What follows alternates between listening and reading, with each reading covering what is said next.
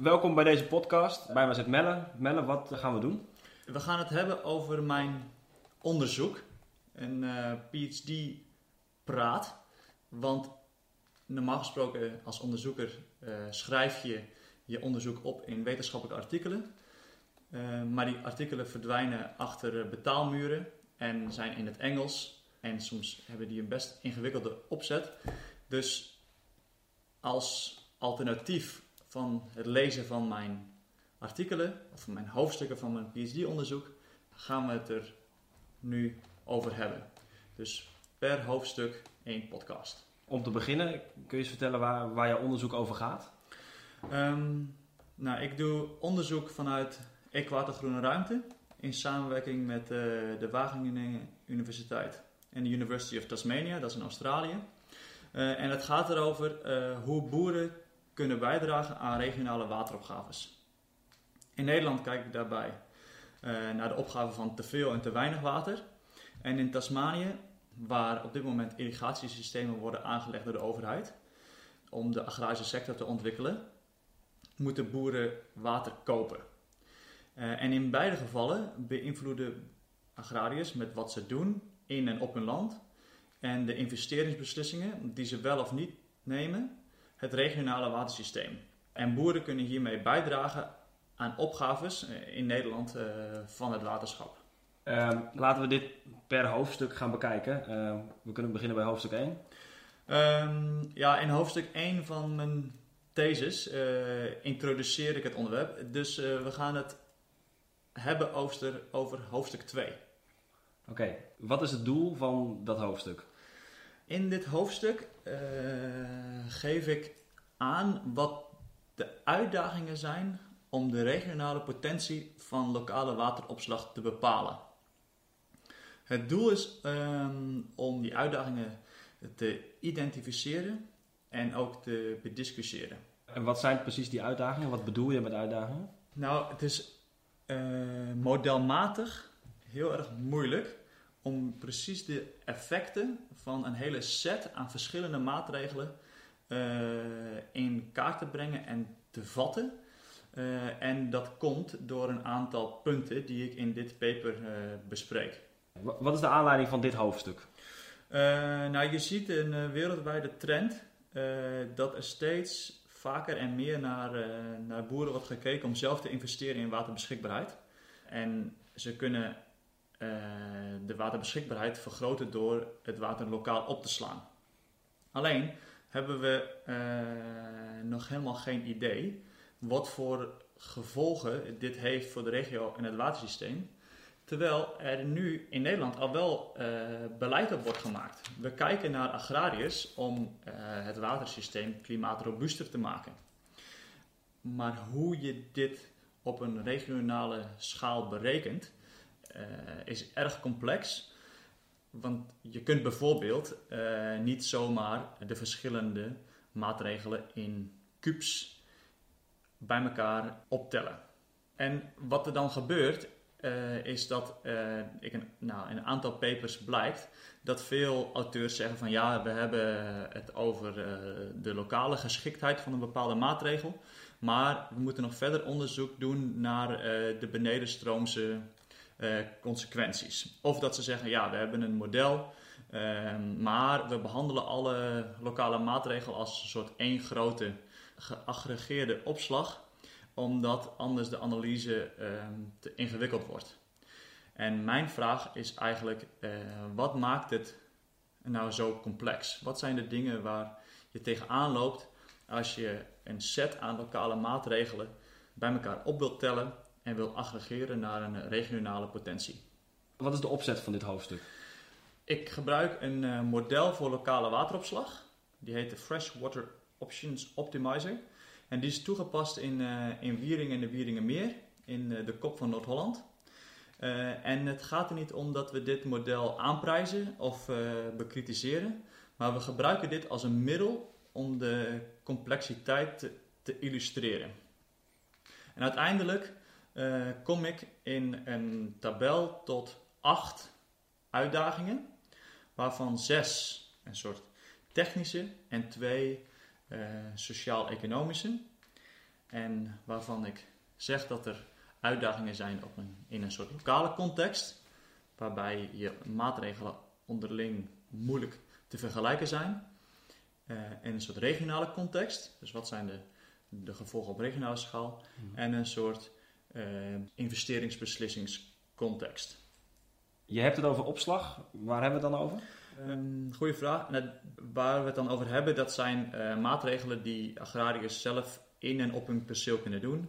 Uh, dan kun je denken aan uh, klimaatadaptieve drainage, opslag van water in sloten, aquifer storage and recovery, um, water opslaan met verticale drains, met horizontale drains. Dus het gaat om maatregelen die boeren zelf kunnen nemen en die dus ook de lokale waterbeschikbaarheid vergroten. Je noemde net de tabel met uitdagingen. Om welke uitdagingen gaat het? Um, nou, de, de allereerste is dat stel dat je cubes met elkaar wil vergelijken. Je wil opslag A vergelijken met opslag B. Uh, dan is de hoeveelheid water die een boer tot zijn, beschikking, zijn of haar beschikking heeft, op het moment dat er een watertekort is, uh, dat is wat anders dan de hoeveelheid water uh, die is opgeslagen aan het begin van het groeiseizoen. En dit heeft te maken aan de ene kant met verliezen, uh, maar ook met de manier van onttrekken. Uh, zit het in de grond en is het beschikbaar voor de wortels ook in tijden dat de agrarie nog kan beregenen? Of zit het dieper en kan het worden opgepompt? En bijvoorbeeld ook hoe makkelijk is een bepaalde opslag weer op te vullen. Dus de, als je het versimpeld kijkt naar hoeveel kan er worden opgeslagen, dan uh, is dat in de werkelijkheid niet hetzelfde als hoeveel heeft een agrariër beschikbaar op het moment dat het echt nodig is. Um, de tweede is dat dit opgeslagen water uh, verschillende doelen kan dienen. Uh, in Nederland zit in veel delen zoutwater vlak onder de, de, de, wortelzone. En als je door middel van lokaal zoetwater op te slaan, eigenlijk dat zoute water ook uit de wortelzone kan houden, dan heeft het twee functies. En dat maakt het vergelijken van verschillende maatregelen alleen gebaseerd op cubes mm.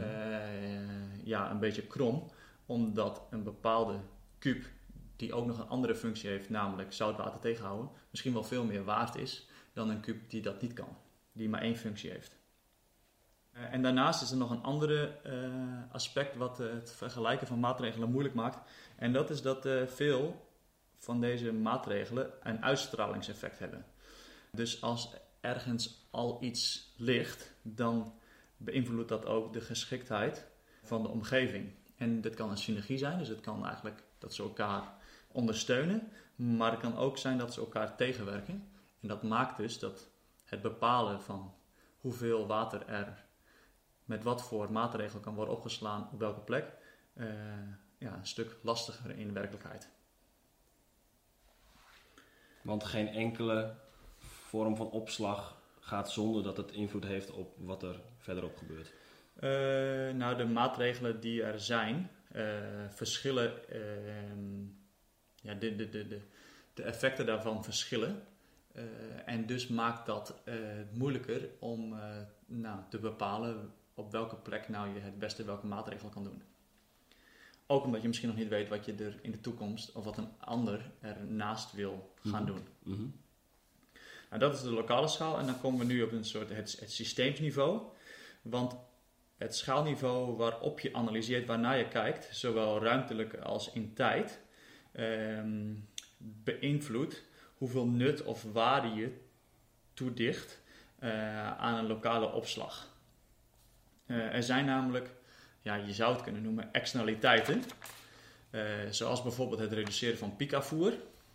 of ja, waterschappen noemen het vaak het verbeteren van de natuurlijke sponswerking van het systeem. En als je, je, je de schaal waarop je kijkt, als je dat niet meeneemt, dan maakt het dus dat je sommige baten misschien wel niet meeneemt. En daarbij komt ook nog dat als het een jaar droog is, dan hebben lokale maatregelen misschien wel een heel ander effect dan in een nat jaar.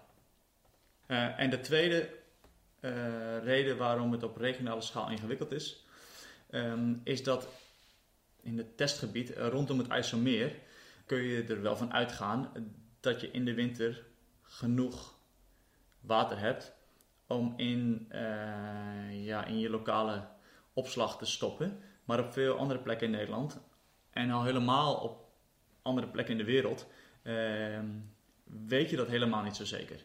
En als je dat niet weet, ja, dat beïnvloedt natuurlijk ook enorm de potentie van zo'n lokale, lokale maatregel. Als laatste wordt er nu nog heel soort lineair gedacht. Maar als we lokale maatregelen gaan toepassen om bijvoorbeeld reststroom uit de stad of uh, vanuit industrie op te gaan slaan, uh, dan is dat ook een manier om de, som der delen te verhogen. Um, en dus is het zo dat je niet altijd moet gaan kijken hoeveel puur kwantitatief er kan worden opgeslagen, maar ook naar wat de rol zou kunnen zijn van lokale maatregelen naast bestaande regionale uh, buffers, zoals in Nederland bijvoorbeeld het IJs, IJsselmeer. En kun je dus veel meer gaan kijken naar uh, hoe kunnen lokale maatregelen strategisch worden ingezet. Mm -hmm. Hoe kunnen uh, grote buffers zoals het IJsselmeer en lokale buffers elkaar complementeren. Dit was dus de laatste uh, technische uitdaging. Mm -hmm. en dan zijn er ook nog twee die ja, niet alleen maar. Het gaat niet alleen maar over wat is er technisch haalbaar, maar we hebben het ook over investeringen. Uh, en dus over uh, wat is er sociaal-economisch haalbaar. En de moeilijkheid hierin zit dat je de kosten en de baten van vaak moeilijk kunt kwantificeren. En daarbij komt ook nog eens dat je je af kunt vragen wie je moet betalen als een deel van de baten bijvoorbeeld ook zit in het reduceren van overstromingsrisico's beneden strooms in de stad hoe bepaal je dan uh, wie wat waarvoor betaalt en waarom? En dat brengt ons ook bij de allerlaatste uitdaging. Want als waterschap zijnde, als beleidsmaker zijnde, kun je er niet op rekenen uh, dat wanneer een model zegt dat het voor een boer loont om te investeren, uh, boeren dat ook allemaal uniform gaan doen iedereen maakt een, um, een eigen afweging en misschien klopt het model wel helemaal niet. Is het te simpel of niet met de juiste uh, ja, parameters? En gelukkig zijn we niet een uh, stelletje homo um, economicussen. Maar dat maakt uh, dat als je het gaat hebben over de, lokale regionale potentie van lokale wateropslag, uh, dat dit uh, een stuk complexer is, omdat je moeilijker kunt voorspellen wanneer er wordt geïnvesteerd. Mm -hmm. En dit, dit, dit laat, deze laatste component, uh, dat komt terug in de volgende hoofdstukken van mijn thesis en daarmee ook in de volgende podcasts. Ja, je kondigt zelf al een volgende podcast aan, maar kunnen we je onderzoek ook lezen? Ja, dat kan zeker. Uh, uiteindelijk uh, wordt het een boekje, maar de verschillende hoofdstukken verschijnen ook als, uh, als op zichzelf staande papers, als het goed is. en dit hoofdstuk heb, heb, ik ingediend als paper bij het journal Water International onder de titel Challenges in Assessing the Regional Feasibility of Local Water Storage.